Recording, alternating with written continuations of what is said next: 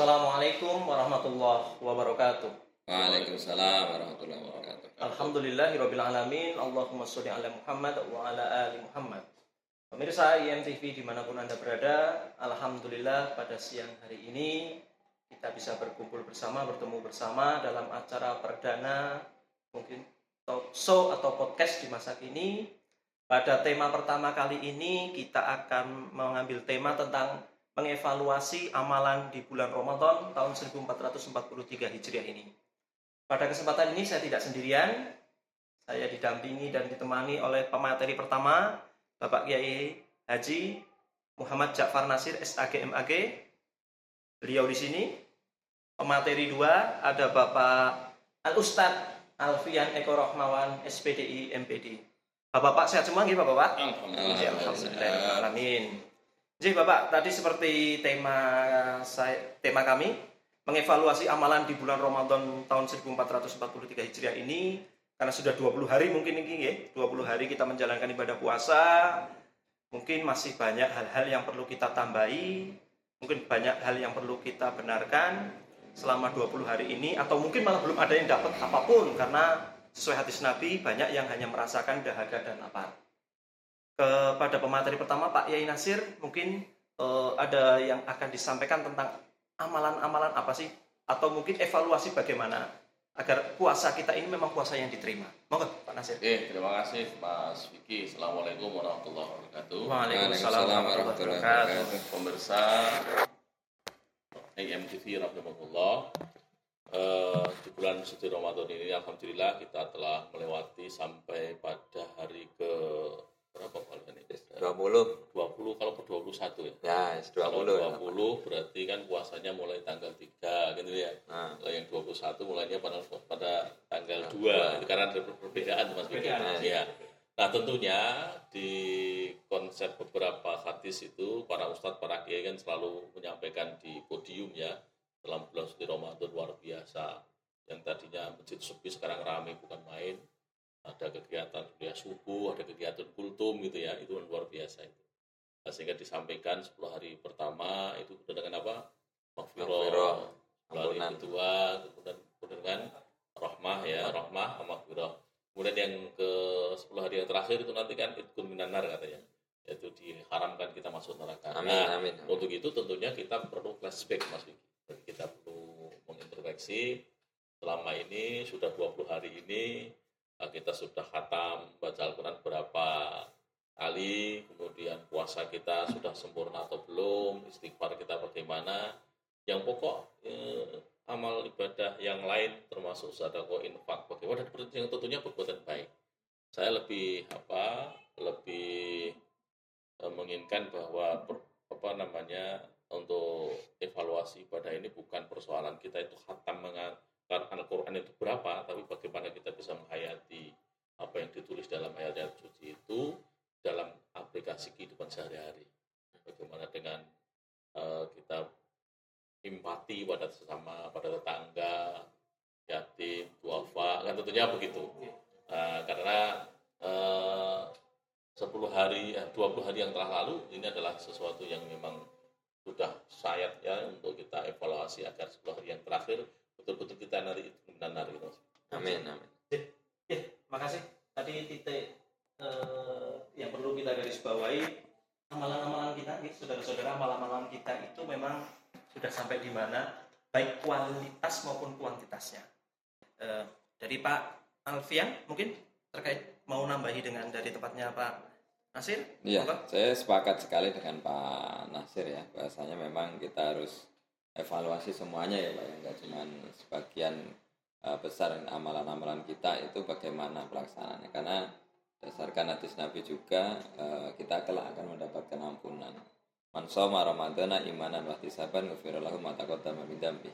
Dari hadis itu tentunya barang siapa yang berpuasa bulan suci Ramadan karena iman, nah iman kita ya. Pertama iman kita apakah betul-betul eh, apa ya? Sudah betul-betul iman kan gitu.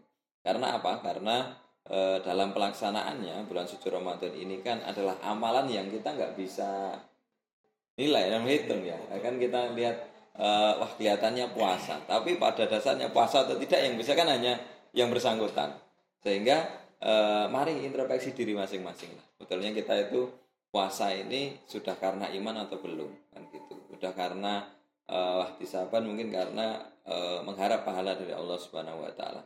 Jadi kalau kita posone mergo contoh mergo Pak Yai kan gitu atau posone mergo tanggane atau posone mergo kancane kalau masuk ngontene poso daerah poso tentunya perlu kita luruskan. Masuk ya dalam hampir 20 hari ini kita cuman karena manusia gitu.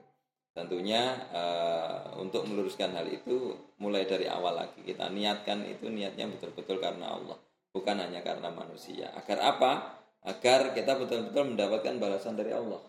Nah, poso ini kan sing maringi ganjaran Allah Subhanahu wa taala. Kalau sudah mendapatkan apa namanya?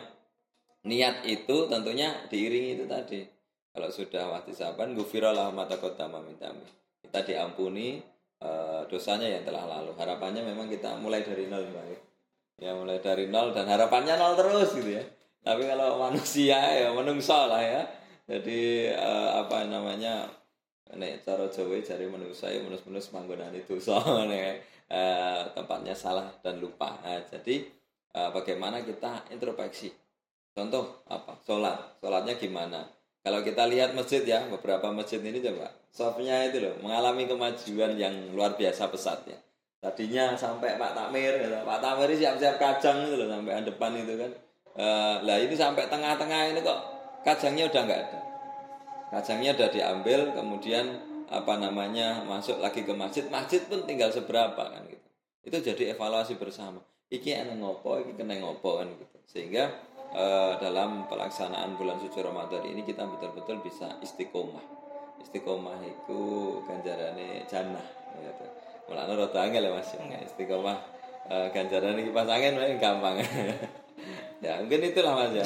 Saya gini Mas Yiki, Alfian. Jadi saya tuh pernah mendengar ada Ustaz Restu Sugiharto itu ya, Hmm. itu menyampaikan dalam satu ceramah yang saya tidak sengaja mengikuti Eh, dia mengatakan begini ketika Ramadan datang itu kan manusia itu sukaria Hmm. senang sekali gitu tadi bersukaria kemudian malaikat juga bersukaria gitu ya tapi menjelang akhir Ramadan itu manusia itu rata-rata eh, semakin kuat eh, kesenangannya tapi malaikat semakin menangis ya, katanya bahwa karena Ramadan yang penuh berkah ini ini manusia di akhir di bulan Ramadan itu sibuk dengan persiapan dia menghadapi Oh, anak Idul Fitri ya. Betul itu ya, Betul, Fitri. betul. Sehingga Mudik, yang mudik. yang tadinya mudik Lambi itu anyar. cari baju dan macam-macam jadi akhirnya mall semakin ramai kalau menjelang di sebuah hari terakhir itu masjid mulai sepi ya gitu. Oh, jadi ini masjid sepi itu karena banyak yang Ah, kemarin. tetapi ada fenomena yang yang unik yang mungkin Oh, iya. mungkin eh, Mas Vicky Mas Arhan bisa dicek ya. Ada satu fenomena di sebuah masjid itu justru penuhnya itu menjelang akhir Ramadan. Wah, Ini ini luar biasa kan? luar Saya belum pernah menemui itu. Selain masjid di mana? Di LP. lembaga masyarakat Iya, saya pernah diminta untuk LP ceramah. ya. ya. Saya, saya minta di ceramah ceramah ya, ceramah Ah. di itu. Itu kan uh, di jadwal tuh ya, setiap minggu ya, setiap minggu masuk masuk masuk masuk. Nah, ketika awal itu ya masjidnya paling yang ada itu cuman ya separuh lah. Tapi begitu minggu kedua, eh tambah minggu ketiga, begitu minggu terakhir itu sampai di luar. Oh, Iya luar biasa. luar biasa ini. Nah, begitu saya tanya pada petugas dulu, kenapa demikian? Nah, karena tahanan di Polres semua ditaruh di sini, Pak. Wah, saya mikir gue sama Ya. ya. Mikir saya udah bagus loh. Kenapa? Karena mungkin mengharapkan apa itu malam Lailatul Qadar. Ternyata kumpulnya tahanan gitu. Iya. Eh, ya tentunya iya mas, nambah sampai nambah. Saya juga makanya semangat ya. Mungkin untuk apa namanya eh, fenomena yang ada itu tadi kan berarti zakat mal sama zakat malnya anu ya, sangat kental sekali. Berarti eh, untuk ke depan mungkin 10 hari terakhir ini kita harus menguatkan hati kita ya, kita masing-masing ya. Hati saya sendiri untuk apa? Untuk betul-betul mau meraih malam kemuliaan ini kan, malam apa Lailatul Qadar ini kan ya untuk ke depan agar eh, kita lebih baik kan gitu gitu. Dan juga banyak yang apa memberikan contoh ben itu Lailatul Qadar piye kan. Iya. Contoh nyupai sepuluh ewu sepuluh ewu Iya. ini ya kena itu atau pak ya Iya. orang yang bolongnya betul pasti itu kalau kita mau dapat itu. tak ya Jadi tidak meskipun ada yang mengatakan dalam hadis itu lampu qadar itu akan muncul pada Hmm. hari-hari ganjil gitu ya. Iya. Tetapi tidak ada salahnya kalau kita memang seperti seperti nelayan itu Iya. ketika jaring itu ya. Sudah bror, itu eh, setiap hari uh, beramal ya uh, Ah. infak ya sama. Akhirnya kan dalam 10 hari terakhir itu insya Allah akan uh, pengen pasti dapat ya selama 30 hari. oh iya iya Itu. betul Karena Setiap malamnya malam Lailatul Iya, Qadar. Ah. iya, setiap malamnya itu Iqbal dianggap malam Qadar. Qadar. Nanti nanti dia akan pasti akan dapat. Pasti akan dapat. Iya. Pak, ini sebetulnya kalau kita pelajari satu Ramadan 1443 Hijriah ini banyak fenomena ya Pak. Fenomenanya itu yang menggelitik bagi saya dan itu sebetulnya ya bangga bagi umat Islam. Penetapan satu Ramadan pada tahun ini kan berbeda. nah Ada yang melaksanakan di hari Sabtu, nggih. Sabtu ada yang di hari Ahad pada tanggal 2 dan tanggal 3 Mei. Tapi tidak ada pertengkaran. Di status media sosial pun malah ini sebagai sebuah fitrah. Hmm. Apakah ini eh, kedewasaan masyarakat-masyarakat kita? Tapi kalau kita berbanding terbalik ngapunten dengan Pilpres 2014-2019, beda pilihan kan sudah ada perbedaan ini. Tapi umat Islam menghadapi satu Ramadan ini, penetapan satu Ramadan yang berbeda ini, Alhamdulillah adem ayem dan tenang malah saling mendukung. Fitrahnya masing-masing itu kalau fenomena ini seperti gambarnya gimana ya Pak ya ini? Ya, itu me- menunjukkan bahwa Islam sudah terasa rahmatan lil alaminnya. Iya. Jadi, jadi Sesuai berbeda. semboyannya Ya, IM ya Pak ya? Ah, ya, ya, sama dengan nah ini ya. Iya. Sebenarnya IM juga generasi rahmatan lil alamin ya. Iya. Ini kan karena apa? Karena memang edukasi yang selama ini dilakukan oleh para kiai, para ustadz, dan para akademisi di lembaga pendidikan-pendidikan itu semua sudah akhirnya masuk pada generasi sekarang. Jika perbedaan itu memang sesuatu yang apa mutlak dan tidak bisa kita hindari dan sesuatu yang bukan menjadi kendala, tapi menjadi memperindah sehingga ketika kemarin rame ini saya mau puasa nggak ada yang peduli kamu puasa kamu silakan. Nggak ya silakan kan itu. Bahkan saya serumah itu beda. Ibu saya puasanya mulai hari Sabtu. dari Sabtu, sudah puasa saya mulai hari akad Eh, kenapa kok? Ditanya lu kenapa kok nggak bareng ngobrol satu rumah? Gitu.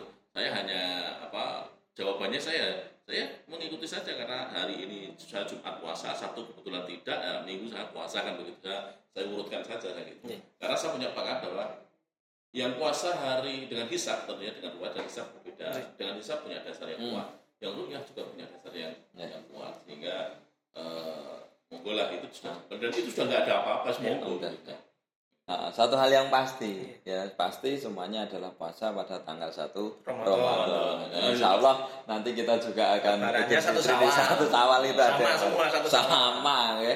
Dan tentunya itu menjadi satu hal yang positif ya atas eh, apa namanya kerukunan internal di um, beragama kita bersama gitu kan. Insya Allah itu menjadi Islam yang betul-betul rahmatan lil alamin sesuai yang eh, Nabi Muhammad SAW Berarti memang umat Islam ini ngapunten tidak usah diajari toleransi, Pak. Karena di dalamnya sendiri, dalam internalnya kita sendiri itu toleransi sudah besar sekali ya, Pak. ya. Kita kembali lagi ke mengevaluasi, Pak. Mengevaluasi ini kan kalau berarti nggak boleh ya, Pak, menganggap oh kemarin saya 20 ini ibadah saya salah itu nggak boleh betulnya ya, Pak. Tapi lebih arahnya itu mengevaluasi ke menambah ya, Pak ya. Menambah Ya, kalau gini Mas Wiki, kalau Iya. Ibnu Qayyim itu kan mengatakan begini. Dalam mengevaluasi ibadah, ini kan kita ada tiga tahap sebenarnya. Yang tahap pertama adalah tahap persiapan. Misalnya, misalnya nih ya, ketika kita mau sholat. Mau sholat ini kan ada tahap persiapannya, apa wudhu? Apakah wudhu saya sudah benar atau belum? Niatnya sudah benar apa Kayak gitu kan. Ah, sudah sudah di istilahnya sudah yakin diterima belum. Nah ini kan sebelum. Nah kemudian evaluasi pada pelaksanaan pelaksanaan. Iya. Nah, pelaksanaan ibadah itu bagaimana? Nah, pelaksanaan itu kan eh, ketika dia sedang sholat ini masih mikirkan Hmm. eh, apa mall Kunci. tadi itu Ah. kan, ya, apa baju baru mana yang mau dipakai kan, kan, Cek kita diskonan lah. atau masih masih itu terngiang diskonnya sudah buka apa belum Oh. Nah yang terakhir itu adalah eh, evaluasi pasca. pasca, pasca sholat bagaimana? Nah pasca sholat ini bukan masalah zikirnya bukan. Tapi pasca sholat ini apakah perilaku perbuatan ucapan itu sudah mencerminkan mencerminkan beliau menjadi orang yang eh, beriman atau belum Nah, tentunya kan begitu. Oke. nah nanti sampai pada hal-hal kecil termasuk eh, perbuatan baik kita. Kan Iya. karena kita kan memang diminta untuk selalu berbuat baik kan. Barunas linas katanya kan begitu ya. Eh, kita kan diminta menjadi orang yang baik sehingga kita pengen jadi orang yang baik dan bermanfaat mosok eh, kita malah membuat contoh yang gak baik kan tentunya tidak gitu. Ya. jadi kadang orang mohon maaf itu ada orang anak muda yang mohon maaf ini apa nalpotnya atau Brong. di brong gitu ya brong saya yakin dia tuh pengen tampil baik gitu Iya. itu tampil baik gitu dan dia nggak tahu kalau ternyata kebaikan yang menurut dia itu ternyata tidak Iya, menurut iya. yang lain kan gitu. Iya. itu maka inilah perlu kita evaluasi Jadi- Evaluasi. Jadi ingat Pak, terkait dengan manusia yang kepingin tampil itu pernah dulu di sosiologi Pak, seingat saya. Orang itu kepinginnya jadi point of interest, pusat perhatian. Hmm. Jadi kalau saya diperhatikan orang lain, itu Ah, wah tersendiri. ya. Tapi dilalah mungkin yang tadi disampaikan Pak Nasir dengan brong itu malah yang jelek. pusat yang perhatian bagus, itu perhatian. juga ada sebabnya karena mungkin dia kurang perhatian Ya. Kurang diperhatikan. iya jadi butuh perhatian karena juga banyak orang-orang yang tidak perlu menjadi pusat perhatian seperti itu. Ya, Oke. harapannya nah ke depan eh, apa dengan adanya evaluasi ini kan kita tentunya harus bisa menjadi apa ya umat yang beruntung. Jadi umat yang beruntung adalah yang hari ini lebih baik daripada kemarin. Besok lebih baik daripada hari ini kan? Jadi, yang perlu kami garis bawahi untuk tema pada siang hari ini memang eh, perbaikan di kualitas maupun kuantitas kita di bulan Ramadan ini, kuantitas dan kualitas. Yang kedua memang evaluasi itu datang dari sebelum, saat pelaksanaan dan sesudah pelaksanaan. Jadi Pak, karena ini edisi perdana kita dan eh, waktu memang mepet nih, waktu memang disediakan sedikit, kami atas nama pembawa acara mengucapkan terima kasih kehadiran Bapak-bapak semua Alhamdulillah. eh, hanya pahala dari Allah yang bisa Insya Allah. didoakan. Kita insya Allah bertemu lagi di lain kesempatan. Amin, Untuk pemirsa IMTV jangan pernah lupa untuk terus mengupdate insya Allah berita-berita dari kami maupun berita, kajian, info-info dan lain melalui YouTube IM Surakarta maupun IM Surakarta. Akhir kata, jangan pernah lelah untuk mencintai IM Surakarta bagi seluruhnya, terkhususnya bagi warga IM Surakarta. Sekian dari kami atas nama pembacara. Assalamualaikum warahmatullahi wabarakatuh. Waalaikumsalam. Ya.